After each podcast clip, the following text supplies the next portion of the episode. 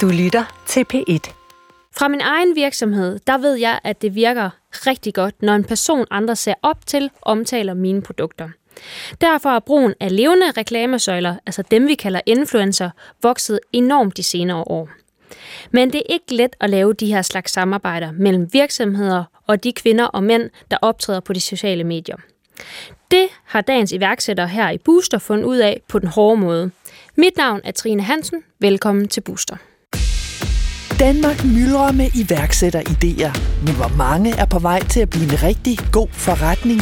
Det er altså ikke bare med, at man skal lave en, en app, og så bliver du milliardær dagen efter. Det her er programmet Booster med værterne Mads Peter Vejby og Trine Hansen. De to er selv iværksættere og kender både til skåltaler og fiaskoer for deres egen vej ind i branchen. Fordi man kan jo sagtens have sat bilen den helt forkerte vej fra starten af. Værterne trækker på deres erfaringer og deres netværk, når de i Booster rækker ud og hjælper iværksætterne med det næste skridt mod succes. Dagens iværksætter har helt styr på hudpleje og makeup, men kæmper på andre områder. Det har virkelig været en udfordring for mig at finde nogle gode influencers. Det kan være svært at navigere i alt det her SoMe. Velkommen til dig, Maja Kim Madsen. Tak. Tak for det. Maja, du er jo kvinden bag Sui Sui, som er en webshop, der forhandler skønhedsprodukter. Du er adoptivvaren fra Korea, og det har faktisk været fundamentet for din forretning. Og kunne du prøve at fortælle mig lidt omkring det?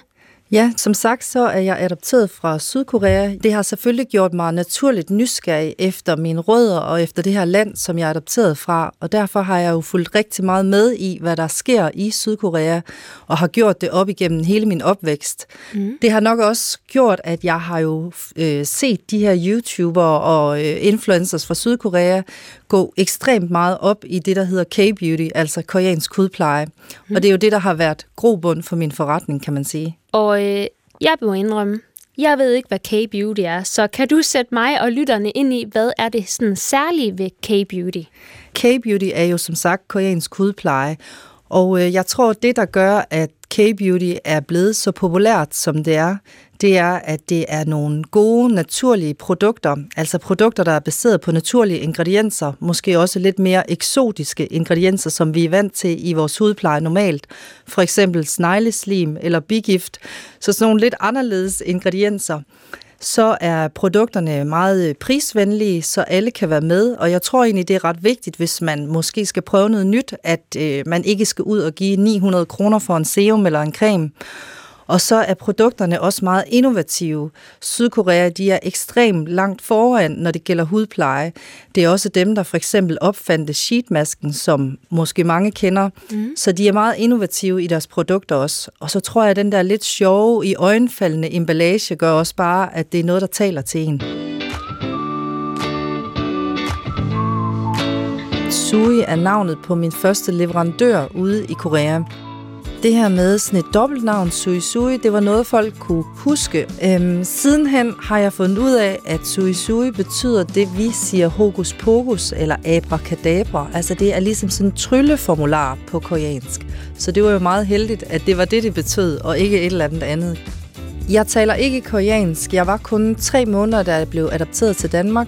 Jeg har været i Sydkorea to gange sidenhen, da jeg var 22 med min familie, hvor vi var på sådan en moderlandstur nede og se kulturen og opleve landet. Og så har jeg så været dernede for to år siden, inden coronaen kom, og besøge en masse leverandører.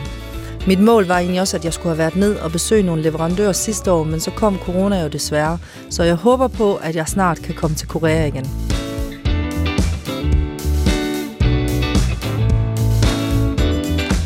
Du startede din forretning fra nul for fire år siden som et øh, hyggeprojekt, der skulle give dig lidt mindre stress i hverdagen øh, med, for dig og dine børn. Ja. Hvordan har det så udviklet sig derfra? Jamen altså, jeg startede jo op, da min datter hun var omkring et år, og jeg var endt øh, barslen med hende, og min søn han var tre år på det tidspunkt.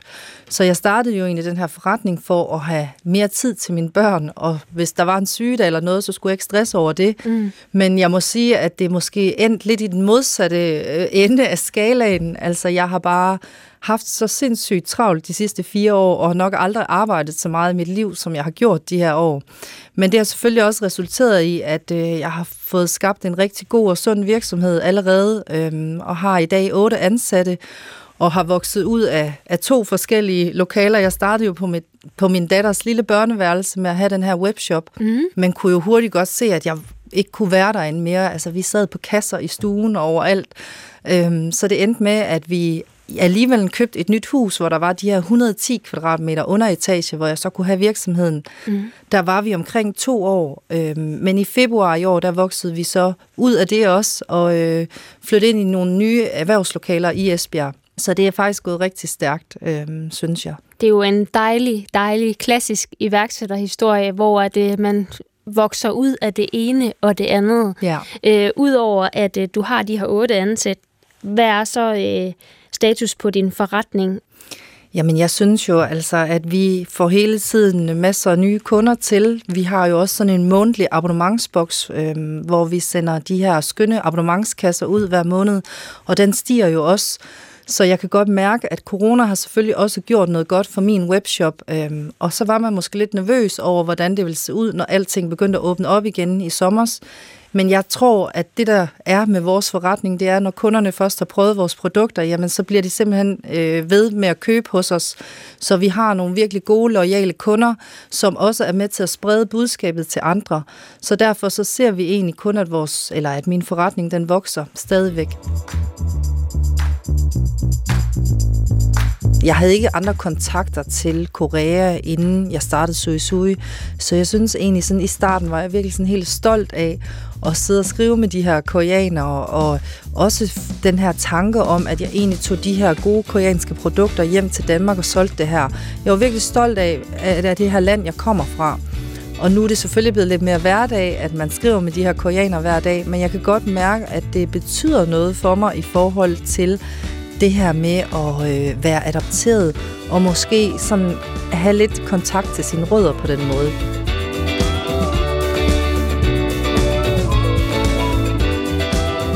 Det forrygende for forretningen, og virksomheden den er vokset stødt.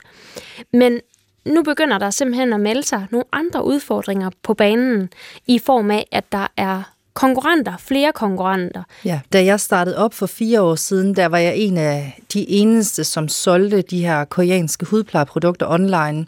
Jeg tog rigtig mange nye mærker hjem, som var store over i Korea eller over i Asien, men også i USA, og gjorde dem ligesom kendte i Danmark. Men i dag, der kommer der hele tiden nye konkurrenter til inden for K-beauty, og det er jo selvfølgelig også fordi, at de kan se, at det her marked er voksende. Nogle af de største konkurrenter, som der er kommet til, det er sådan noget som Boost og Zalando, og det er selvfølgelig svært at hamle op med sådan nogle store aktører, fordi mm. de har jo nogle helt andre midler til at skyde i det her markedsføring, end vi har. Så derfor har vi også øh, gjort brug af influencers og de sociale medier for selvfølgelig at udbrede kendskaben til forretningen på den måde. Men jeg synes, det kan være virkelig svært. Altså, det har virkelig været en udfordring for mig i forhold til at finde nogle gode influencers, altså nogen, hvor der er den der gode tillid imellem virksomheden og influenceren. Øhm, og jeg synes måske også, at øh, det, det kan være svært at navigere i alt det her SoMe. Og hvad netop det her med influencer, for du har allerede lavet nogle samarbejder med influencer, men du har også givet udtryk for, at du synes, det er rigtig svært. Hvad er det, der gør det svært at lave de her aftaler?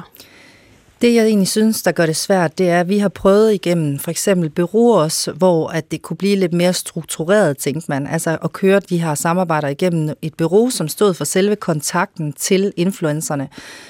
Øhm, der havde jeg måske regnet med, at der var noget mere styring. Altså at som virksomhed gør man sindssygt meget ud af at få sammensat de her pakker til de forskellige influencer. Og øh, vi går meget ud af at få det sendt pænt, sådan at mod, in, influenceren modtager en lækker pakke. Og så er det bare tit, synes jeg, at man står sådan lidt nogle gange med den der, man bliver lidt skuffet. Altså det kan være, fordi at influenceren måske viser det her på en, to stories, det som man har brugt rigtig lang tid på at sende til dem. Eller det kan være, at det her, som influenceren laver, det bare drukner i en masse andet, som hun også laver måske, altså mm. reklame for andre webshops. Så jeg tror, der føler jeg nok egentlig bare tit, at man står lidt med den der følelse bagefter. Var det det? Og det er jo svært, jeg ved også godt, det er svært for influenceren, fordi at de jo selvfølgelig får alle de her tilbud, øhm, og de bliver kontaktet af rigtig mange, men det jeg egentlig sådan godt kunne tænke mig måske at vide lidt mere omkring, det var det her med netop, hvordan de udvælger deres samarbejder, og hvad der ligesom motiverer influenceren til at virkelig gøre noget for det her, den her virksomhed, eller det her samarbejde, de har indgået. Det synes jeg kunne være rigtig spændende i hvert fald. Det må jeg faktisk indrømme. Det synes jeg også kunne være rigtig spændende, så lad os prøve at kigge på det. Ja. Maja Kim Madsen får om lidt lov til at kigge ind i maskinrummet hos en kendt influencer, for at blive klogere på, hvordan et samarbejde kan blive attraktivt for begge parter. Jeg vil jo gerne vide så meget som overhovedet fra kunden, sådan at jeg netop kan gøre det, som de helst vil have, men så det stadigvæk passer ind i min setting. Men Trine Hansen har også erfaringer med at bruge influencer i sin virksomhed. I min forretning, der øh, bruger jeg også influencers, og øh, jeg kan godt lige genkende til nogle af de ting, du siger, at øh, det er i hvert fald meget vigtigt for mig at få lavet fundamentet for aftalen, fordi ellers så er der bare stor chance for, at man bliver skuffet. Det kan selvfølgelig også være øh, noget omkring, hvor meget har kampagnen kostet kontra, hvad får man retur. Men min oplevelse er som dig, at det er meget let at blive skuffet. Og det er jo måske også derfor, at det er vigtigt nogle gange at høre det fra influencerens side og høre, jamen, hvad er det, der motiverer mig, som du siger? Øh, hvad er det, der gør, at samarbejdet bliver mega fedt? Mm. Fordi det skal jo være en win-win situation. Så øh, jeg glæder mig faktisk også rigtig meget til at høre øh, dagens gæst, hvad det er, hun bliver motiveret af.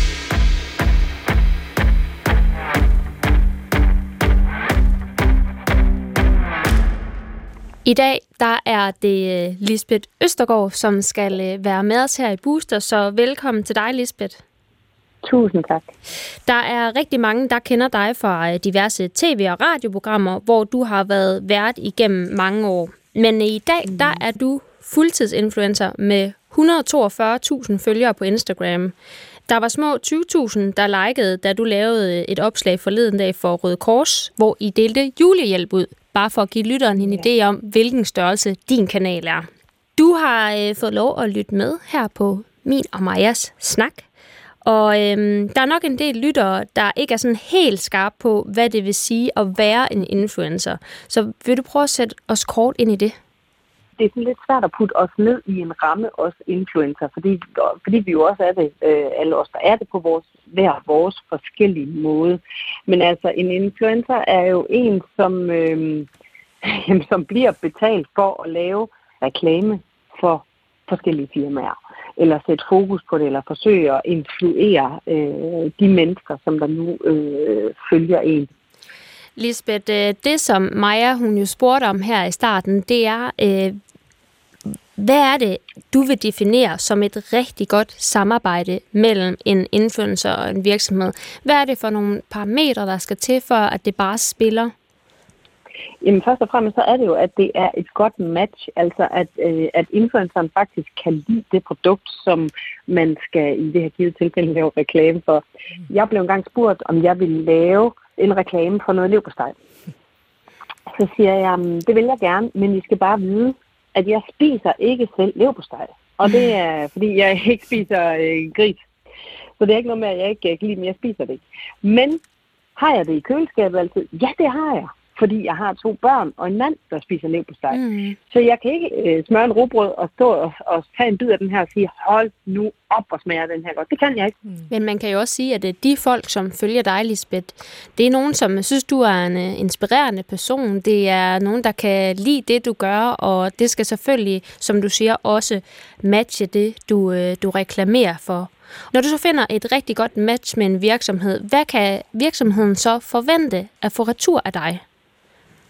Jamen, øh, det hele det ligger jo i netop det der med forventningsafstemme, som jeg også lige selv var inde på. Det der med, jamen hvis de bare siger, øh, sender mig en pose, øh, lad os bare sige en pose vitaminer, og jeg skal lave noget reklame for det, jamen så kan jeg jo godt starte ud med at sige, om det her det er mit take på det, men jo mere jeg ved fra firmaet om, hey, øh, hvad forventer du? Øh, øh, hvad vil du gerne have fokus på? Er det er det D-vitaminerne, eller er det C-vitaminerne, eller og, og er det aldersgruppen? Er det fordi, de er bedre øh, til at opløse sig selv i en øh, tablet? Det kunne være hvad som helst. Ikke? Jeg vil jo gerne vide så meget som overhovedet fra kunden, sådan at jeg netop kan gøre det, som de helst vil have, men så det stadigvæk passer ind i, i, mit, øhm, i, i, i min setting, forstå mig ret, fordi øhm, jeg ved jo, bedst, hvad mine følgere de gerne vil have, og, og, og hvad der kan trigge dem, har jeg i hvert fald på fornemmelsen af. Nogle gange så tror kunden, at de ved det bedst.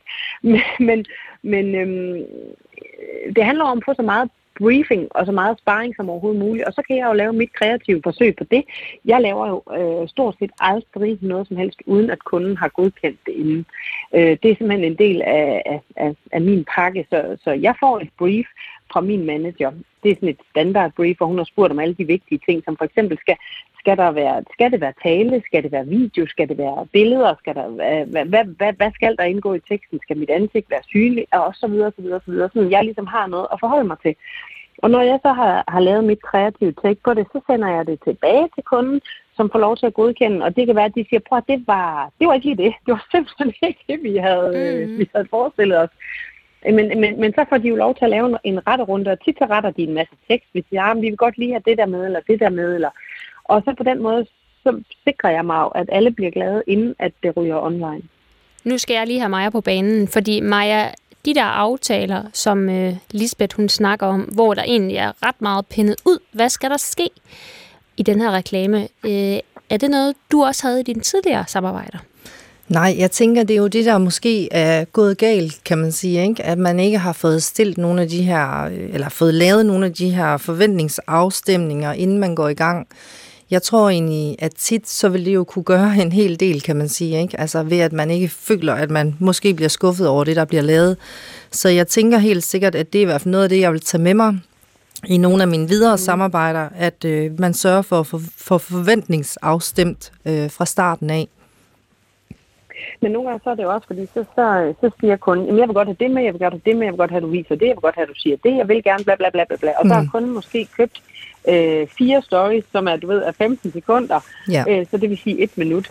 Og nogle gange, så tænker jeg, jamen har de selv lige prøvet at sige og vise alt det her, og få, altså sådan, at få det til at passe ned i et minut. Og nogle gange så ender man jo med, at du nærmest ved, at jamen, hvis jeg skal sige alt det, de gerne vil have med, så er vi oppe på 15 stories, men de vil mm. gerne have det holder sig til fire stories. Så der skal man også sådan lige forventningsafstemme. Så jeg kan også godt gå tilbage til kunden og sige, du må simpelthen enten købe noget mere, eller også må du skrue lidt ned på forventningerne på det.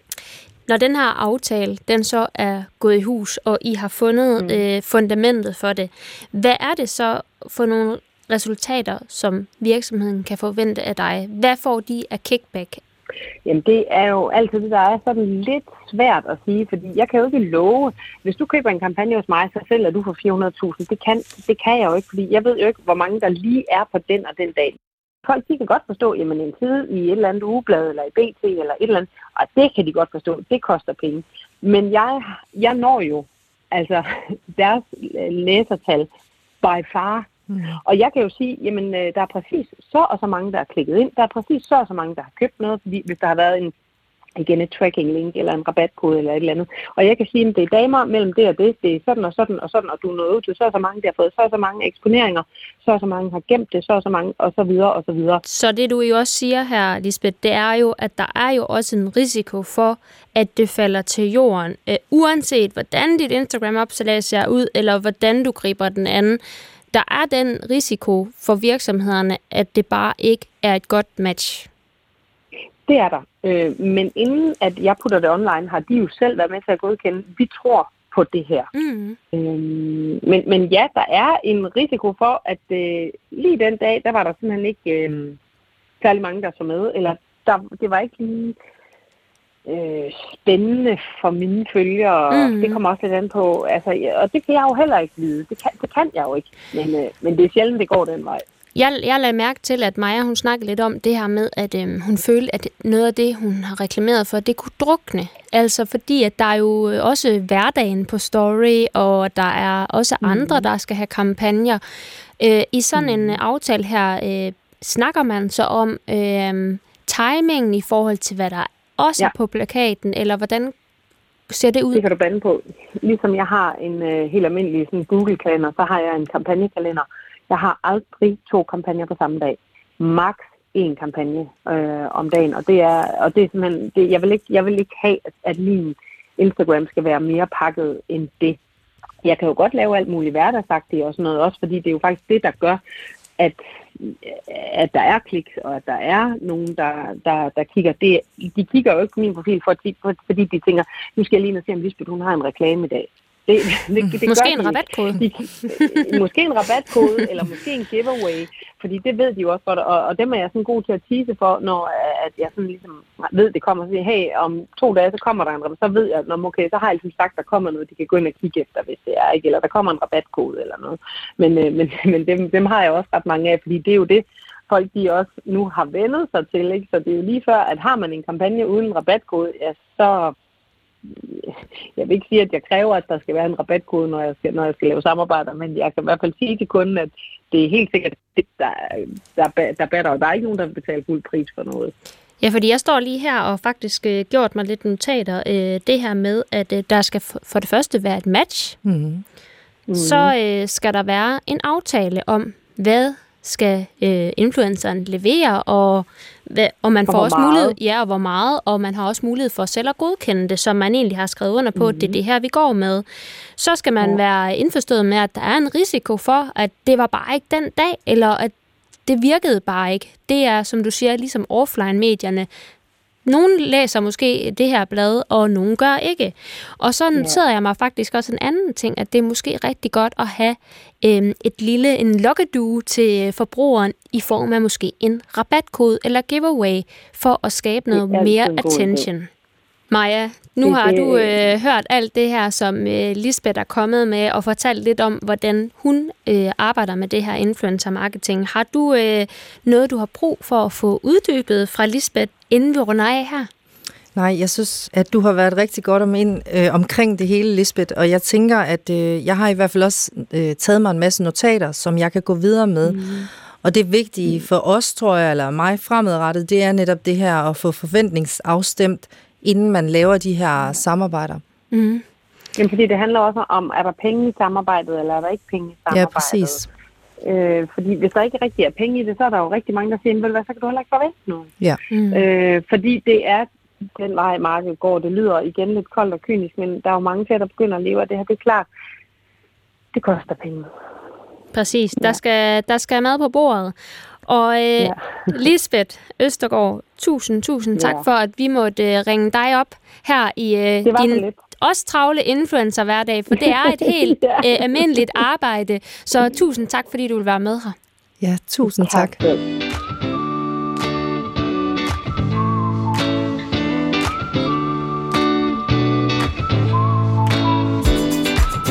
Jeg tror helt sikkert, at jeg rummer mere, end jeg havde regnet med. Jeg havde jo ikke forventet, at jeg ville få den her kæmpe succes, som vi har fået.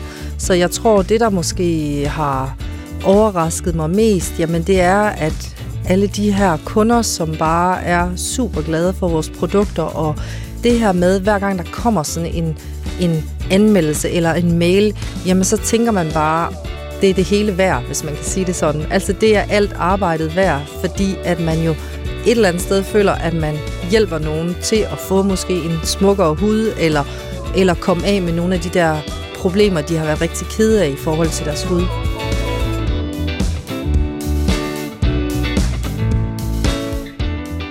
Maja, nu har vi haft Lisbeth igennem, og hun fik sat nogle rigtig gode ord på, hvordan man får lavet et forholdsvis vellykket øh, samarbejde. Øhm, er det noget, du kunne bruge og øh, tage med videre? Jamen det er det helt sikkert. Jeg kan helt sikkert bruge det, hun sagde. Jeg tror, at det her med, som vi også snakker om, få forventningsafstemt, få sat nogle klare rammer fra starten af. Det har vi måske været for dårlige til nogle gange i vores tidligere samarbejder. Jeg tror, det her med at bruge et bureau har vi jo prøvet. Det brændte vi lidt nallerne på, fordi at det her bureau, jamen oversolgte de her influencers, vi så valgte at bruge. Så jeg tror, det er der, at jeg har været sådan skeptisk omkring det. Fordi at jeg følte måske, det var ikke noget ondt om de her influencer, men måske mere bureauet, som oversolgte. Mm. Altså, øh, jeg bruger jo i min virksomhed også influencers, og jeg gør det ikke via bureau, fordi jeg også som dig har haft en lidt kedelig oplevelse, og så tænker jeg, at det vil jeg prøve at styre selv. Og jeg må simpelthen indrømme, det gik ikke særlig godt i starten, øh, fordi jeg netop ikke fik lavet de her aftaler. Øhm, og det vil sige, at når jeg gør noget i dag, så har jeg et fuldstændig standard skriv på, hvad det er, jeg forlanger. Øhm, min erfaring er, at skal vi ud i mange sider, der skal læses, så mister man influenceren. Men vi kan sagtens lave en valid aftale via Instagram, så længe vi har noget på skrift. Ja. Det er ned til, når der skal tagges i en story, så vil jeg have, at det skal have en vis størrelse. Det må ikke være lille bitte nede i hjørnet. Hvis de skal lave opslag, det skal de oftest, så skal jeg tagges i teksten og ikke på billedet. Derudover så har vi en klar aftale om, hvor mange stories, hvor mange øhm, post, og sidst men ikke mindst, så vil jeg ikke have unboxing. Fordi mit produkt, en slatten ballon, i en unboxing, det gør sig bare ikke særlig godt. Så øh, helt ned til detaljer, der øh, får jeg faktisk lavet de her aftaler, og ofte så er det faktisk ikke noget problem. Fordi at du ved bedst, hvordan dine produkter gør sig bedst. Er det et før- eller et efterbillede? Hvad er det, der virker? Og det er måske også utopi at tro, at influenceren skal være så vidende om dit produkt, når det er dig, der er specialisten. Så derfor, så hvis influenceren har øh, problemer med noget i forhold til oppyntning, eller er i tvivl om, hvordan man gør noget, så prøver jeg også at hjælpe dem på vej. Fordi det er mig, der er eksperten, og de skal bare reklamere for det. Så øhm, nogle gode rammer, det er virkelig alfa og omega i de her samarbejder. Ja, præcis. Um, der er jo også det her med, at uh, når man laver et samarbejde, så er der jo nogle influencer, som, som gerne vil lave reklamen, uden at blive betalt, men modtager produktet. Og andre har en fast regel om, at man skal betale. Har du prøvet øh, nogle af dem her, hvor man egentlig bare modtager et produkt? Ja, det har jeg, og tit så har det måske også været nogle influencers, som selv har henvendt sig til os, fordi at de synes, at vores produkter er spændende, og så har vi sendt dem noget. Og jeg tror måske også, det er der, at jeg nogle gange har følt, at det kan være svært at kræve noget, hvis man ikke har betalt dem, ud over givet dem nogle produkter. Men det er jo rigtigt, hvad du siger, at det kan man jo måske godt tillade sig, og egentlig kræve, hvad er det, jeg gerne vil have ud af det her samarbejde, selvom at influenceren kun har modtaget produkter. Hvis tilgangen er, at iværksætteren selv har henvendt sig, så er der jo også en stor interesse for den her influencer i at få dine produkter. Og der synes jeg netop, at det er rigtig vigtigt, at man får stillet nogle krav, fordi der er du attraktiv. Der må du gerne føle dig som den store og sige, det vil vi vildt gerne, og du kan vrage og vælge at sige, hvilke nogle produkter du gerne vil have, men så forventer jeg også, at du gør det her øh, for mig. Det man skal huske, som Lisbeth jo også siger, det her det er et arbejde for os begge. Din virksomhed er dit arbejde. Deres øh, liv som influencer er deres arbejde. Og når man handler sammen, lige meget hvad man handler med, så har man jo en aftale. Og bliver aftalen brudt, så har man krav på, at der bliver gjort noget ved det, eller at man får i hvert fald snakket om, hvordan får vi reddet den her aftale. Så jeg synes, at man skal se det som en helt gængs handel mellem to mennesker, der har lavet en aftale. Mm. Længere er den ikke i min optik. Ja, enig. Maja, der har godt nok været mange ting i dag, og mange ting, man skal have styr på, når man arbejder med influencer. Men øh, nu har du været herinde i Booster, og hvad er det, der bliver grublet over på vej hjem mod Esbjerg i dag? Jamen det bliver jo helt sikkert at få skabt nogle gode aftaler med nogle af de her influencers, som også kan se sig selv i et godt samarbejde med os. Så det tror jeg, det er det, vi vil arbejde frem imod. Mm. Finde de rigtige profiler, og så øh, gå efter den her liste med matchet aftalen, den kalkulerede risiko, og måske en lille gulderod til forbrugeren derude. Ja, præcis. Tusind, tusind tak, fordi du var med her i Booster. Tak, fordi jeg måtte være med. Så kom vi igennem dagens program, som handlede om det her influencer marketing. Og øhm, det er jo ikke første gang, vi har berørt det her emne, men hver gang vi snakker om det, så synes jeg, at der kommer mange ting på banen, og det viser også, hvor svært det her marked er, både fra hvad vi hører fra Lisbeth af, hendes rolle i det, men også hvordan Majas rolle er i det som virksomhed. Men jeg synes, det vigtigste, vi fik øh, kigget på i dag, det var den her liste, der ligesom skal være surført, inden man har et godt samarbejde. Trine Hansen førte dig gennem dagens booster. I redaktionen var det Diana Bak. Vil du i kontakt med redaktionen her fra Booster, så kan du skrive til os på boostersnablag.dr.dk.